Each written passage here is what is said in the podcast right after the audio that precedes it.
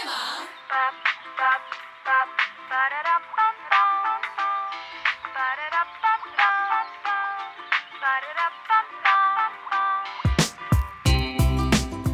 ברוכות וברוכים הבאים לפרק השישי של מה הסיפור שלך או שלך.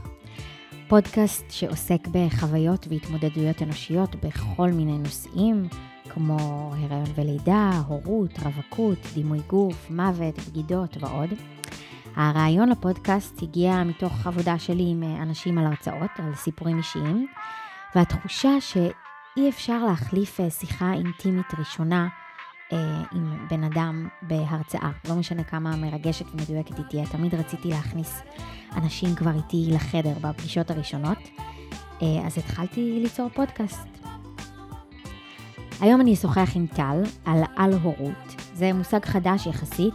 על-הוריים באלף זה אנשים שבחרו לא להביא ילדים לעולם. טל היא בת 41, הייטקיסטית, בזוגיות למעלה מעשור ונשואה כבר שבע שנים לצלי. תודה לשם הפודקאסטים ויצירות סאונד על ההפקה והליווי הטכני.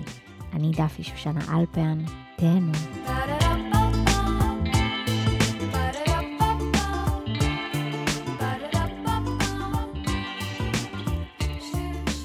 אמרתי לבעלי, טוב, נו די, על מי אנחנו עובדים? זה ברור שאנחנו לא נביא ילדים. זה היה חודש שבו באמת דיברתי על הנושא הזה עם כל מי שיכולתי, גם עם חברות אה, אימהות, זה כמובן הנפוץ יותר, אה, עם חברות אה, על-הוריות. אני מכירה גם בחור שהוא חבר של ההורים, בן 70 פלוס, שהוא על-הורי, גם עם אה, חברה שאני יודעת שהייתה כל החיים על-הורית, עוד לפני שהמושג הזה בכלל היה קיים, ובסוף היא הביאה ילד לקראת גיל 40, כי בעלה מאוד רצה. אה, ככה רציתי לשמוע את כל, ה... את כל הזוויות, כמובן הרבה שיחות עם uh, בן זוגי, ו...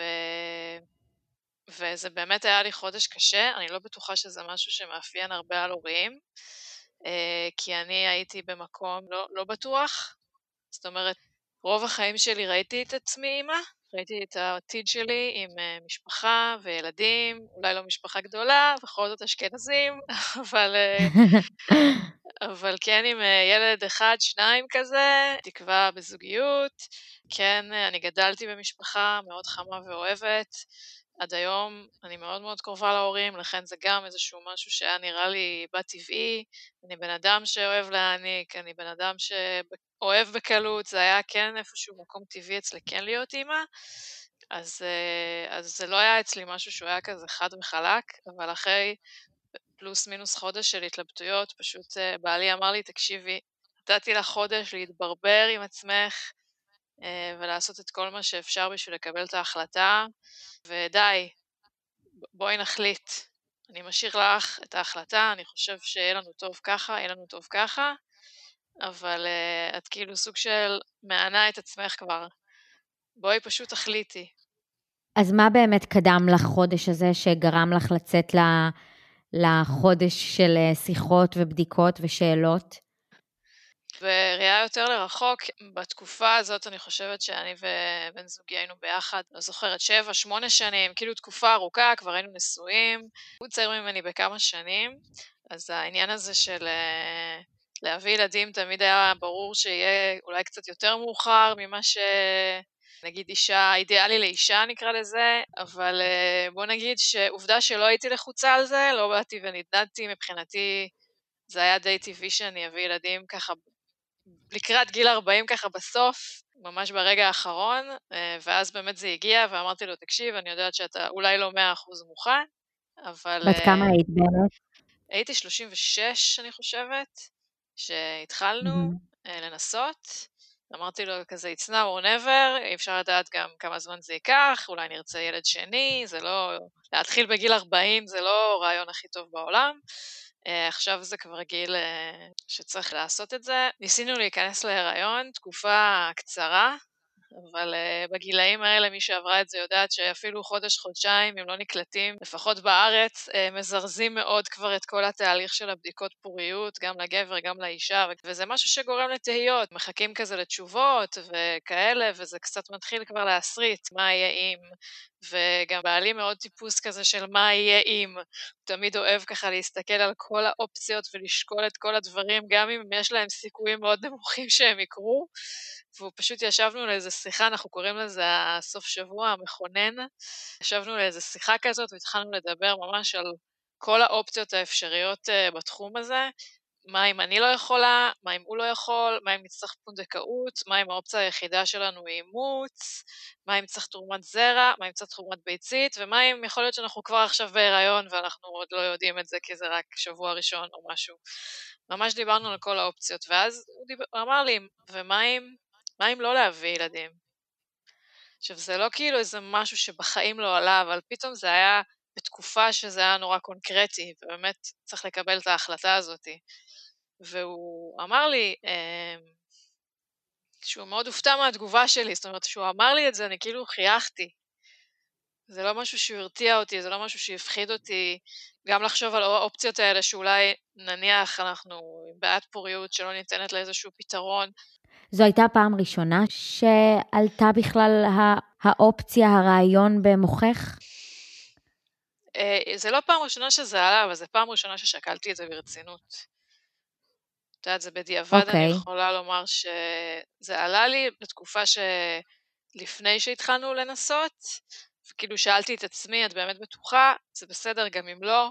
ממש כזה שיחות שאת עושה עם עצמך, אבל הייתי מאוד, אה, מאוד נעולה על כן. זאת אומרת, לא יכולתי באמת לשקול ברצינות אופציה שלא. מהרבה סיבות, אני מניחה שזה בעיקר, את יודעת, עניין של החינוך והתרבות שאנחנו גדלנו בה. אוקיי, אז לא אני, אני מחזירה אותך כן. לחיוך הזה. כן. אה, זהו, והוא אמר לי, את לא חושבת שהתגובה שלך קצת מוזרה? כאילו, והוא בן אדם מאוד רגיש אליי, והוא אמר, תחשבי על זה, תחשבי על זה שנייה עם עצמך, יש מצב שאת לא באמת רוצה. עכשיו כן, יכול להיות שזה גם השפיע עליי, כמובן שגם הוא לא היה מאה אחוז בטוח, והוא לא הרגיש מאוד מאוד בשל, וגם לא איפשהו האופציה הזאת הייתה נראית uh, קוסמת. בן כמה הוא היה באותו, באותו זמן? הוא צעיר ממני בשלוש שנים, אז הוא היה בן 33, אז זה לא ילד. כן. זה לא, גם היינו מוכנים מבחינה כלכלית, דברים כאלה, לא היה איזה משהו אובייקטיבי שימנע מאיתנו לעשות את זה. וזהו, וזה מה שהתחיל את המחשבות. ואני זוכרת שיש לי חברה מאוד טובה שעבדה איתי המון המון שנים, וישבנו אחת ליד השנייה, וזה זה כאילו חברות מאוד מיוחדת, כי באמת ראיתי אותה כל יום במשרד, ואת רואה את הבן אדם שאת באה במצב רוח טוב, במצב רוח לא טוב, ואחרי שרבתי עם בעלך, ואחרי שהיה לכם לילה מדהים, ו- וכל דבר שקורה לך בחיים, פשוט עדה לזה ברמה יומית, ואנחנו נהיינו מאוד מאוד קרובות, ובאמת דיברנו על דברים הכי אישיים בעולם, והיא הייתה איתי בכל התהליך הזה של ההתלבטות, ובתהליך של הכניסה להיריון, היא הלכה לקנות איתי בדיקת הריון פעם אחת, כאילו ממש כזה, ואמרתי לה, גם, את, את פשוט תוך כדי הנסיכה איתך, אני ככה נזכרת בדברים, אה, אמרתי לה, לא יודעת, אני מרגישה שאני במקום כזה של 50-50 מתלבטת, אז היא אמרה לי, טל, את לא ב-50-50, את יותר לא רוצה מאשר רוצה. וזה כאילו משהו שהיה לי ממש זה היה בום לראש, כי זה מישהי שמכירה אותי מאוד מאוד טוב הרבה שנים ושומעת על כל מה שאני עוברת והיא אימא. זה לא שהיה לה פה איזה אג'נדה או משהו כזה. כן, זה ו... מה שיותר אה, התכוונתי לשאול, אם היא אימא. אני אמ, חושבת שהיא אפילו הייתה אז בהיריון, משהו כן, אבל היו לה ילדים, או שהיא הייתה בדיוק לפני הריון שלישי או בהיריון שלישי, משהו כזה, והיא אה, והיא קצת כזה פתחה לי את העיניים. ככה על מישהו שמסתכל עלייך מבחוץ, שהוא אובייקטיבי מצד אחד, מצד שני שהיא באמת מכירה אותי ממש טוב. ואז בעצם קיבלתם את ההחלטה הזאת, ואז איך, איך מתמודדים עם ה... מול החברות, החברה, ההורים? כן, אז זה באמת, אה, אני מרגישה שהתהליך שעברתי, אני לא רק מרגישה, גם קראתי על זה, אה, דברים שפסיכולוגים כתבו, שהתהליך הזה הוא מאוד דומה לתהליך של היציאה מהארון, של אה, קהילת הלהט"בים, באמת מה שהיה בשנות ה-90 או תחילת שנות ה-2000, שאתה עושה משהו שהוא מחוץ לנורמה, ואני באמת אה, התחלתי תהליך כזה של אה, פשוט לקחת אנשים לשיחות ולספר להם על מה שעברנו ועל מה שראיתי, כי שוב היה פה באמת תהליך ארוך של התלבטות. רוב האנשים הגיבו בצורה של אוקיי, מה שטוב לך, אם זה מה שמתאים לכם, אז אחלה, אני גם נמצאת, את יודעת, אני הייטקיסטית, אני נמצאת בחברה שהיא יחסית, אה, נראה, נקרא לזה פתוחה, עוד מילים יפות אפשר להשתמש לתאר את זה. ליברלית אולי. ליב, ליברלית, כן, מתקדמת. אז זה היה התגובות של רוב האנשים, אבל כן היו כמה שמין כזה נחרדו, של כאילו, לא, לא, מה פתאום, את לא יודעת מה את מפסידה, לא, את חייבת, זה נראה לי כמו טעות נורא נורא גדולה, אז היו גם, גם את אלה. והשאלה המתבקשת, ההורים?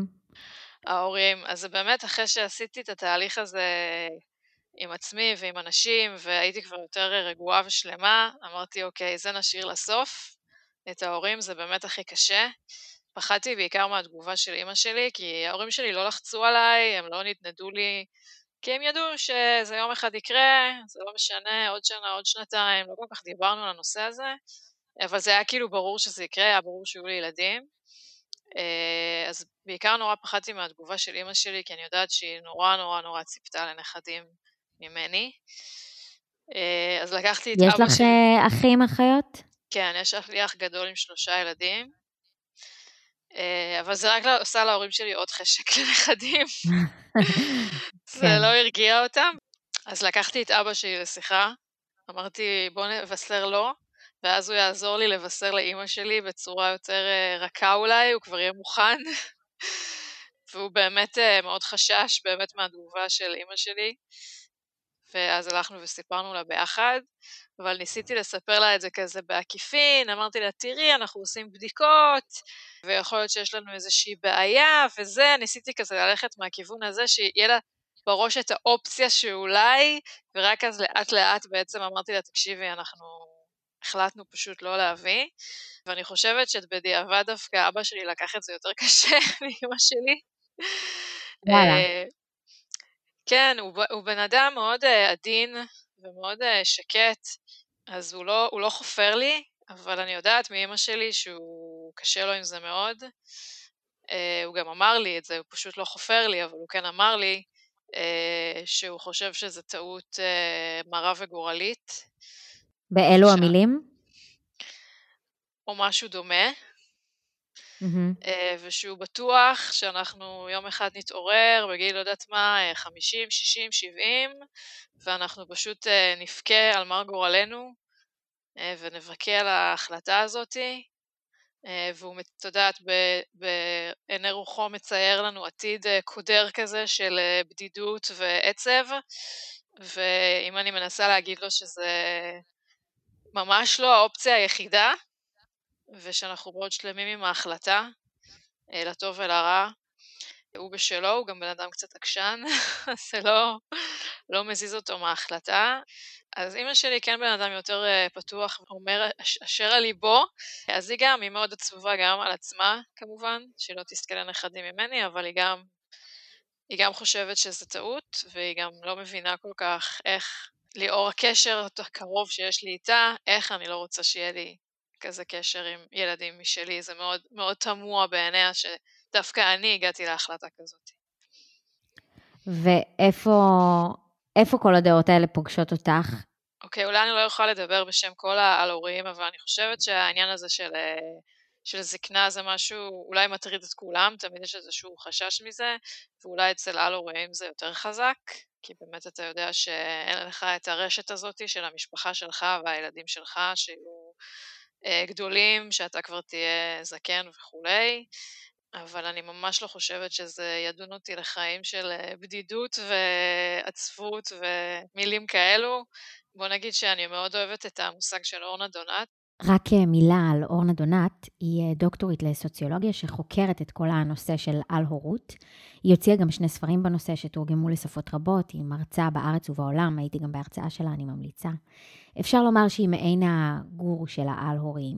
אורנה דונת, שהיא קוראת אה, משפחה מרצון. את יודעת, מעגלים חברתיים שאת יוצרת לעצמך, שהם לא דווקא קשר דם.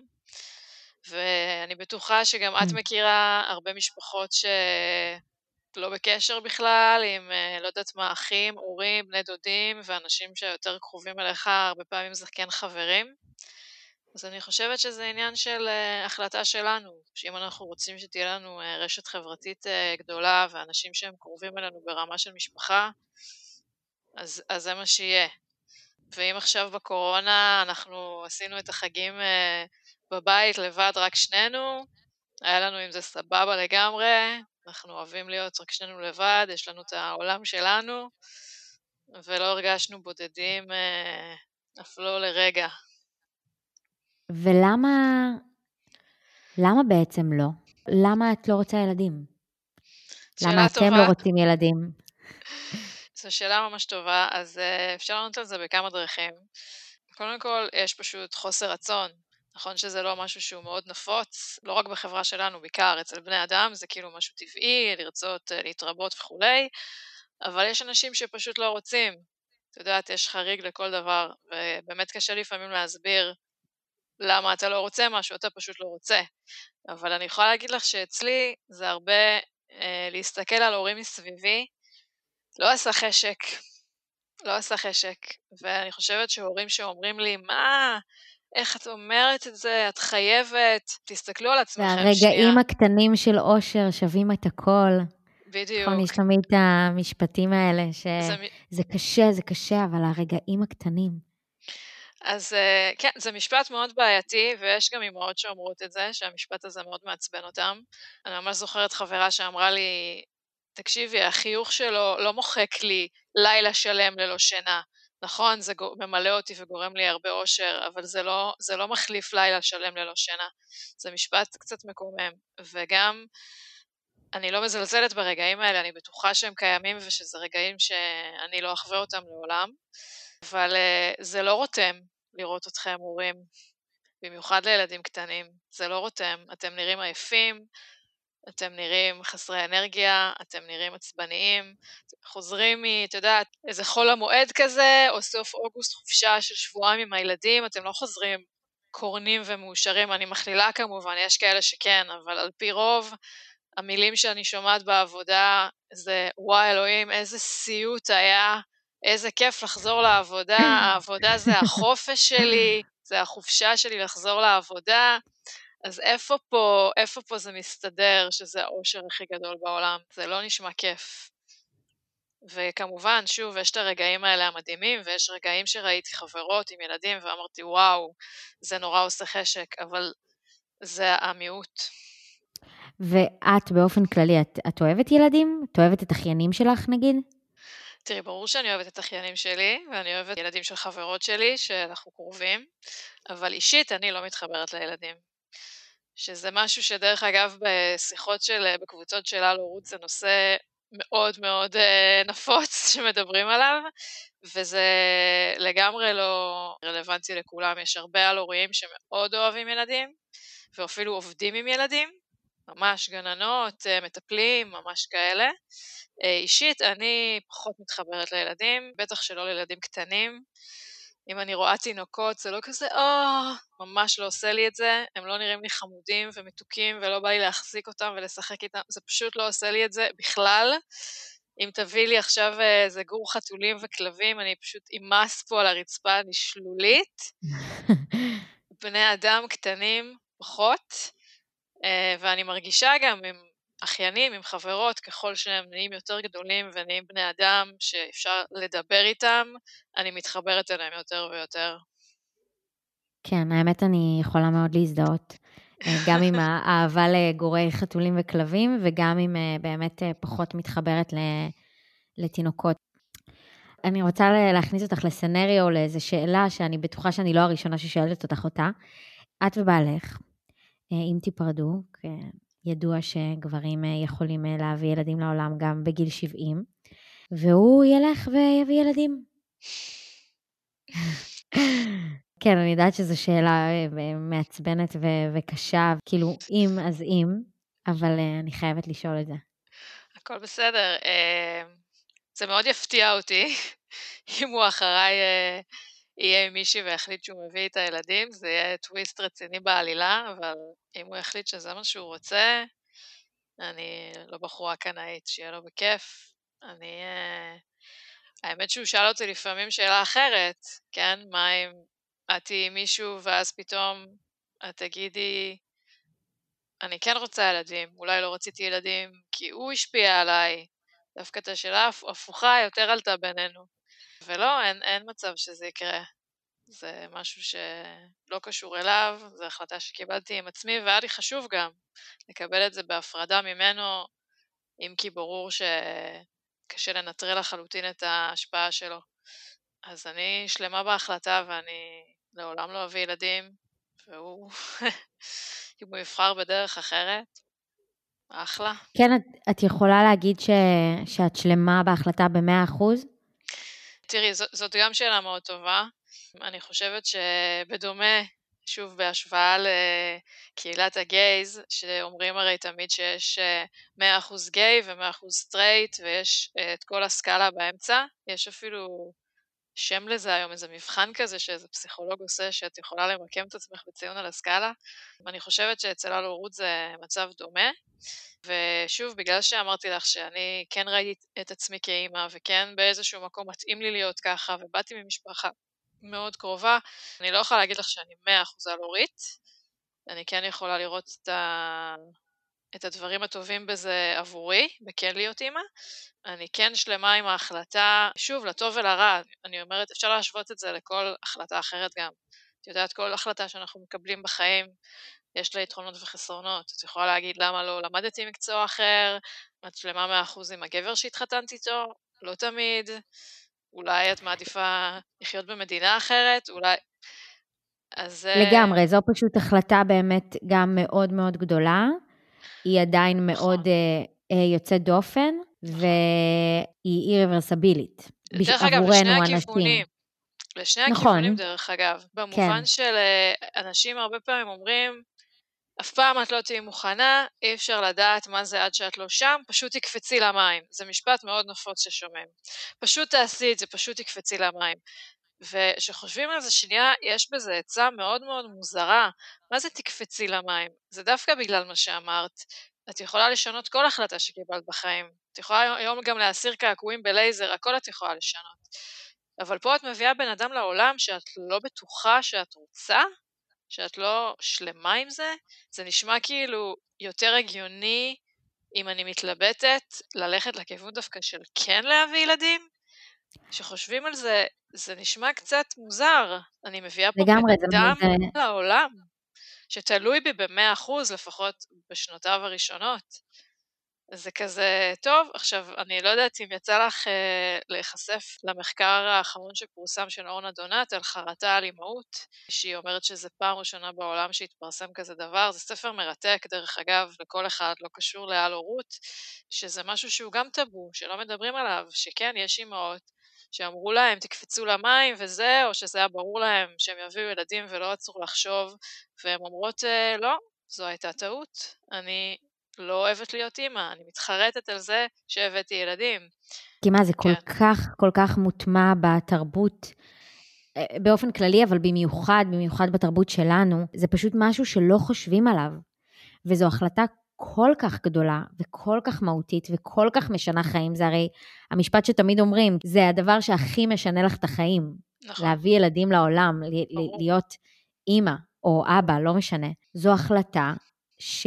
כמעט לא עוצרים וחושבים עליה. כי אומרים, זה טבעי, זה הטבע, אנחנו כבר לא כל כך בטבע. ו... ובאמת, אה, זה אה, עוד משהו ש...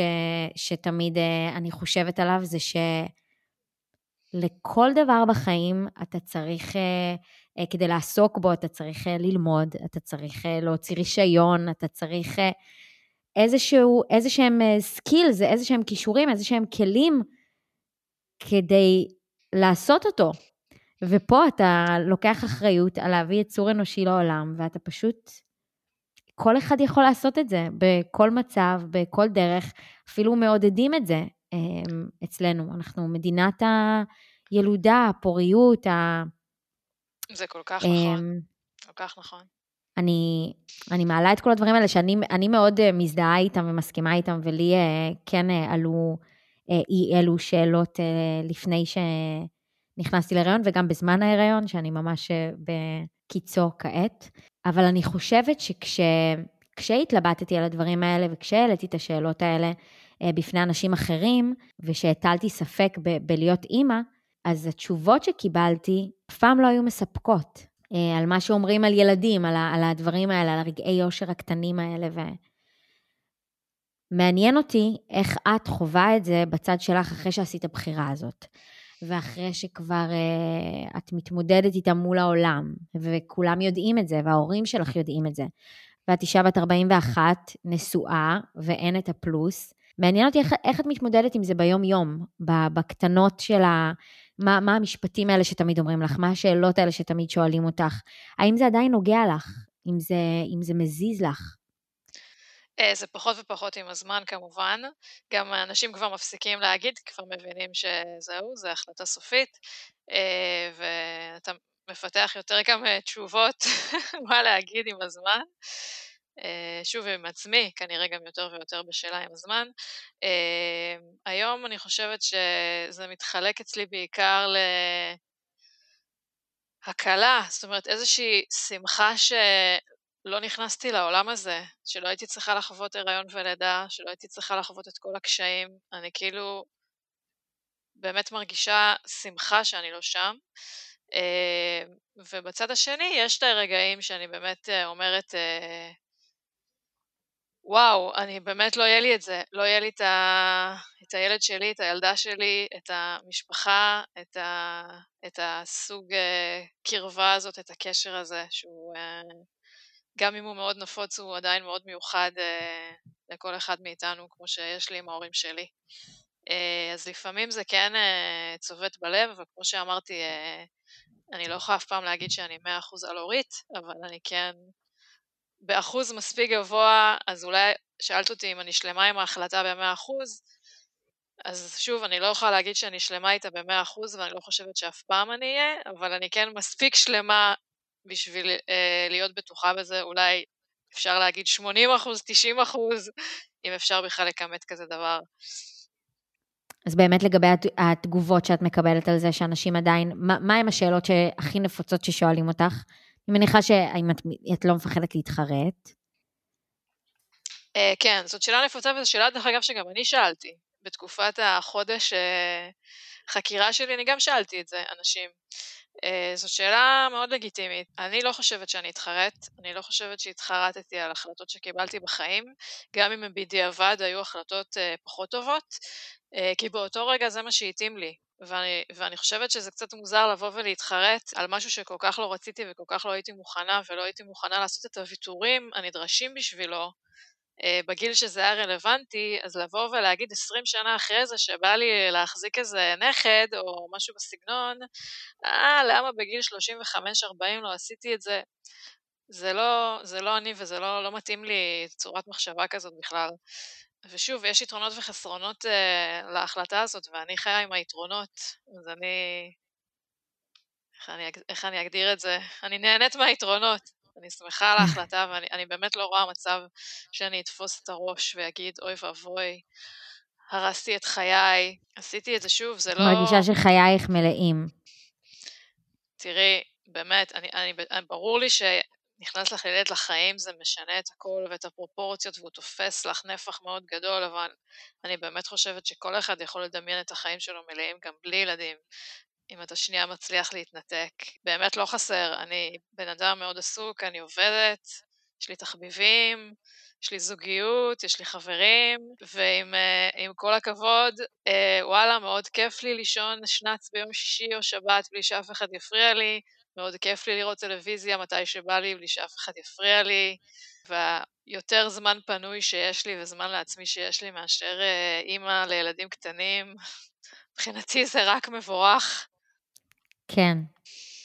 ותגידי, זה יצר לך, אה, הבחירה בעל הורות יצרה לך איזה שהם פערים עם אה, חברות שיש להם ילדים?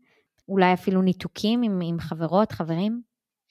כן, זה באמת, במיוחד שיש ילדים קטנים, בשלב של אה, פעוטות שמחפשים באמת playdate וכאלה, או שהורים צריכים להיפגש איתך בשעות נורא ספציפיות, כי uh, בין 12 ל-1 הוא אוכל, ואז בין 2 ל-4 הוא ישן, ואז זה כזה נורא מגביל, ווואלה, לא בדיוק מתאים לי להיפגש תמיד בשבת בין 4 ל-7, כי זה השעות היחידות שילד שלך יכול. אז כן, זה גרם uh, לריחוק מחברים ואולי גם לניתוק חלק מהם.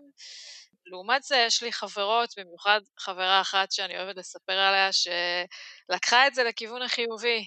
זאת אומרת, היא פעם ביום בחודש, נפגשנו כזה לדייט, אה, שהיא הרשתה לעצמה לחזור להיות אה, כביכול רווקה, לצאת איתי לבירה, לדבר על דברים, גם קצת מספרת לי על הילדים, מן הסתם לגיטימי, אבל לא צריך כל היום רק להיות בתוך זה, גם ככה היא בתוך זה כל היום, אז בואו נדבר קצת על דברים אחרים, בואו נצחק ונצא קצת מהעולם. והיא באמת היום אחת החברות אה, הכי קרובות אליי, אה, וזה, ונשארנו ככה כל, אה, כל התקופה שהיו ילדים קטנים, היום הם כבר טיפה יותר גדולים. וזה מצד אחד. מצד שני, אני תמיד מאוד התעניינתי בכל הנושא הזה של הריון ולידה, ומעניין אותי לשמוע עלייך אם את חברה טובה שלי ואני אוהבת אותך, ואת עכשיו עוברת את הדבר הענק הזה שנקרא להיות אימא, אז זה מעניין אותי לשמוע מה עובר עלייך, אני לא כזה טוב, עזבי אותי, אל תדברי איתי על השטויות האלה. אל תדברי איתי על דברים מגעילים, של מה הילד עשה בחיתול ואיך גמלת אותו, תחסכי ממני. אבל לשמוע מה עובר עלייך, זה מעניין אותי כי את חברה שלי. אז uh, אני מכ, מכירה את הכל, אני יודעת מה זה אפידורל ואיך הוא עובד, ומה זה stripping, ומה זה ואקומים, הימי הולדת בגן, והכל, אני יודעת הכל ומכירה הכל, ואת יכולה לדבר איתי uh, חופשי כמו uh, עם אימא אחרת. אז זה באמת תלוי, אני חושבת, את יודעת, בחברות. כן. ויש לך חברים על-הוריים? שנוצרו גם... בעקבות הבחירה בעל-הורות? כן, זה מעניין. יש לי חברים על-הוריים באמת שבמקרה, פשוט לא, או שלא הביאו ילדים או שהם על-הוריים, בלי קשר, אה, וכן ניסינו ליצור חברויות עם ההבדל בין לא הביאו לי ילדים לעל-הוריים, מה, מה ההבדל ביניהם? זאת גם שאלה מאוד טובה, זה מאוד מאוד מובחן, דרך אגב, כי יש אנשים שאין להם ילדים אה, לא מבחירה. כי הם לא יכלו, כי הם לא מצאו זוגיות ולא רצו להביא לבד. יש לי חברה שלא הביאה כי היא במצב אה, בריאותי, שלא מאפשר לה, והיא כבר בת 40 פלוס, אז כנראה שזה כבר לא יקרה. אז זה לא, לא אנשים שמגדירים אותם על הורים, על הורים זה אנשים שמבחירה לא הביאו ילדים. אז יש לי, יש לי בחוג החברתי גם כאלה וגם כאלה, אבל דווקא חברויות חדשות מעל הורים, מהקבוצות, דווקא פחות יצא לנו. קצת יצרנו קשר עם אה, בעיקר זוגות אחרים על הוריים. איכשהו זה לא יצא שבסוף נהיינו מאוד מאוד קרובים. אולי זה סתם אה, מקריות. את רואה, את רואה חשיבות ב...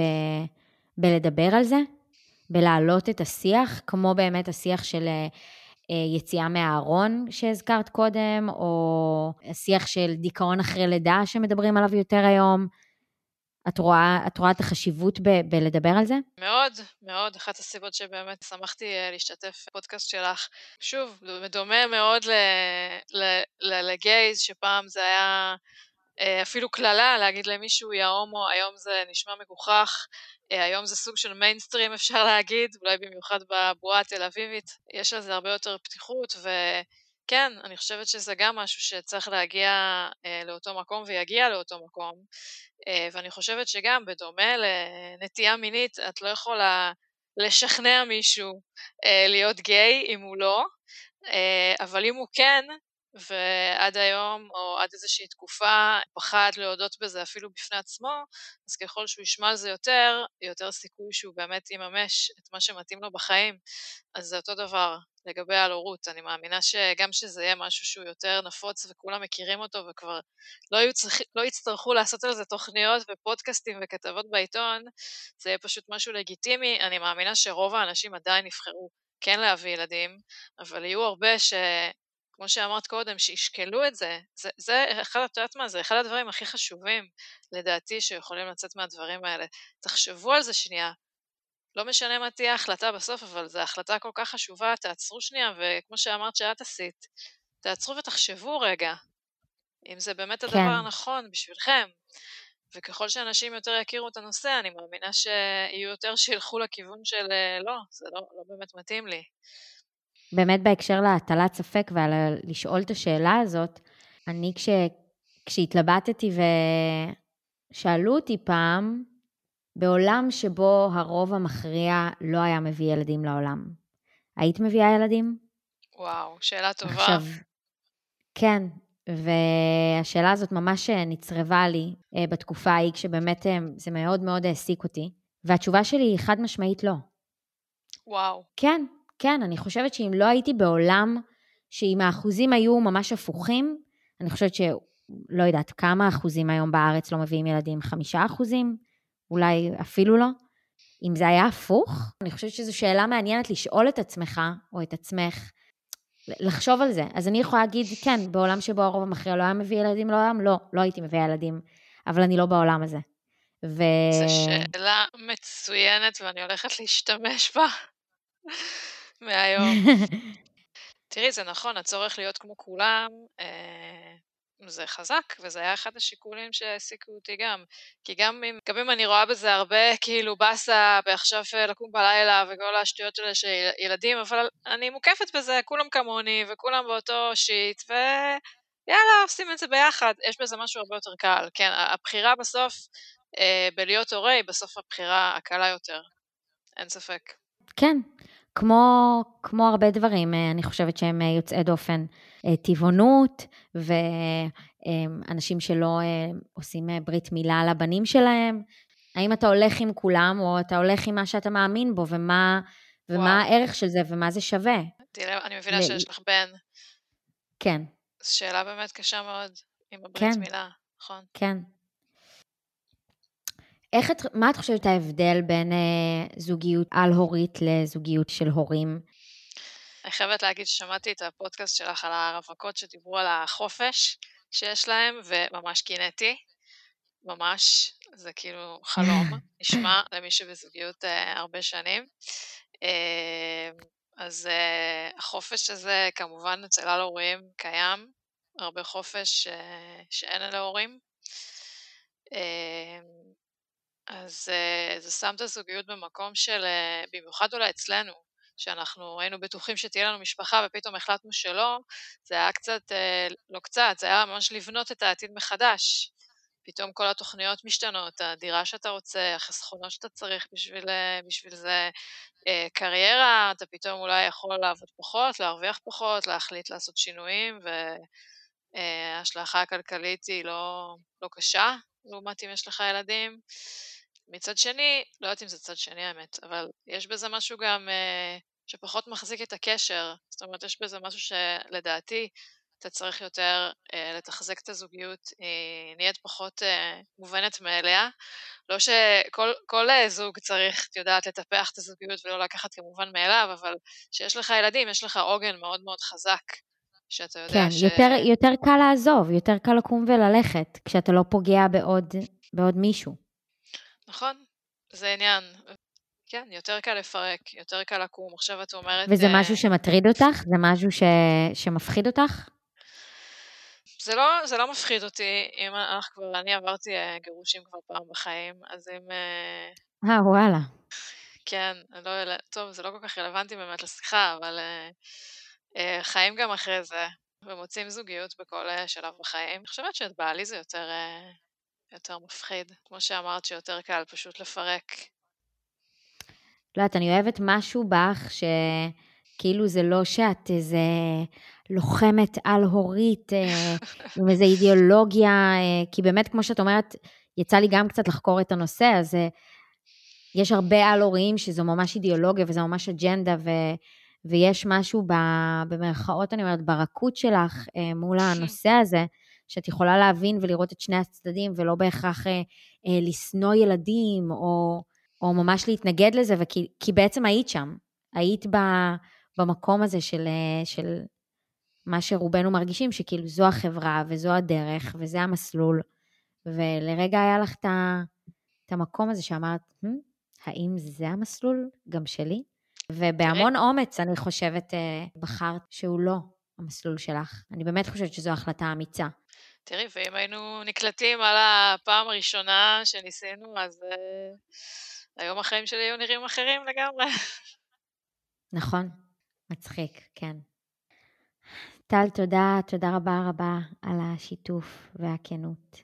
תודה רבה לך, תודה רבה שאת גם uh, עושה uh, פודקאסט על הנושא הזה, כיף. Uh, שבאמת תהיה לך גם uh, לידה קלה ותקופת uh, הסתגלות קלה, כמה שאפשר. כן, בנימה אופטימית זו, כן. uh, שתהיה לך לידה קלה. כן, משעשע לעשות uh, פודקאסט על, uh, על הורות בחודש תשיעי. כן, מצחיק. כן. תודה, טל. תודה.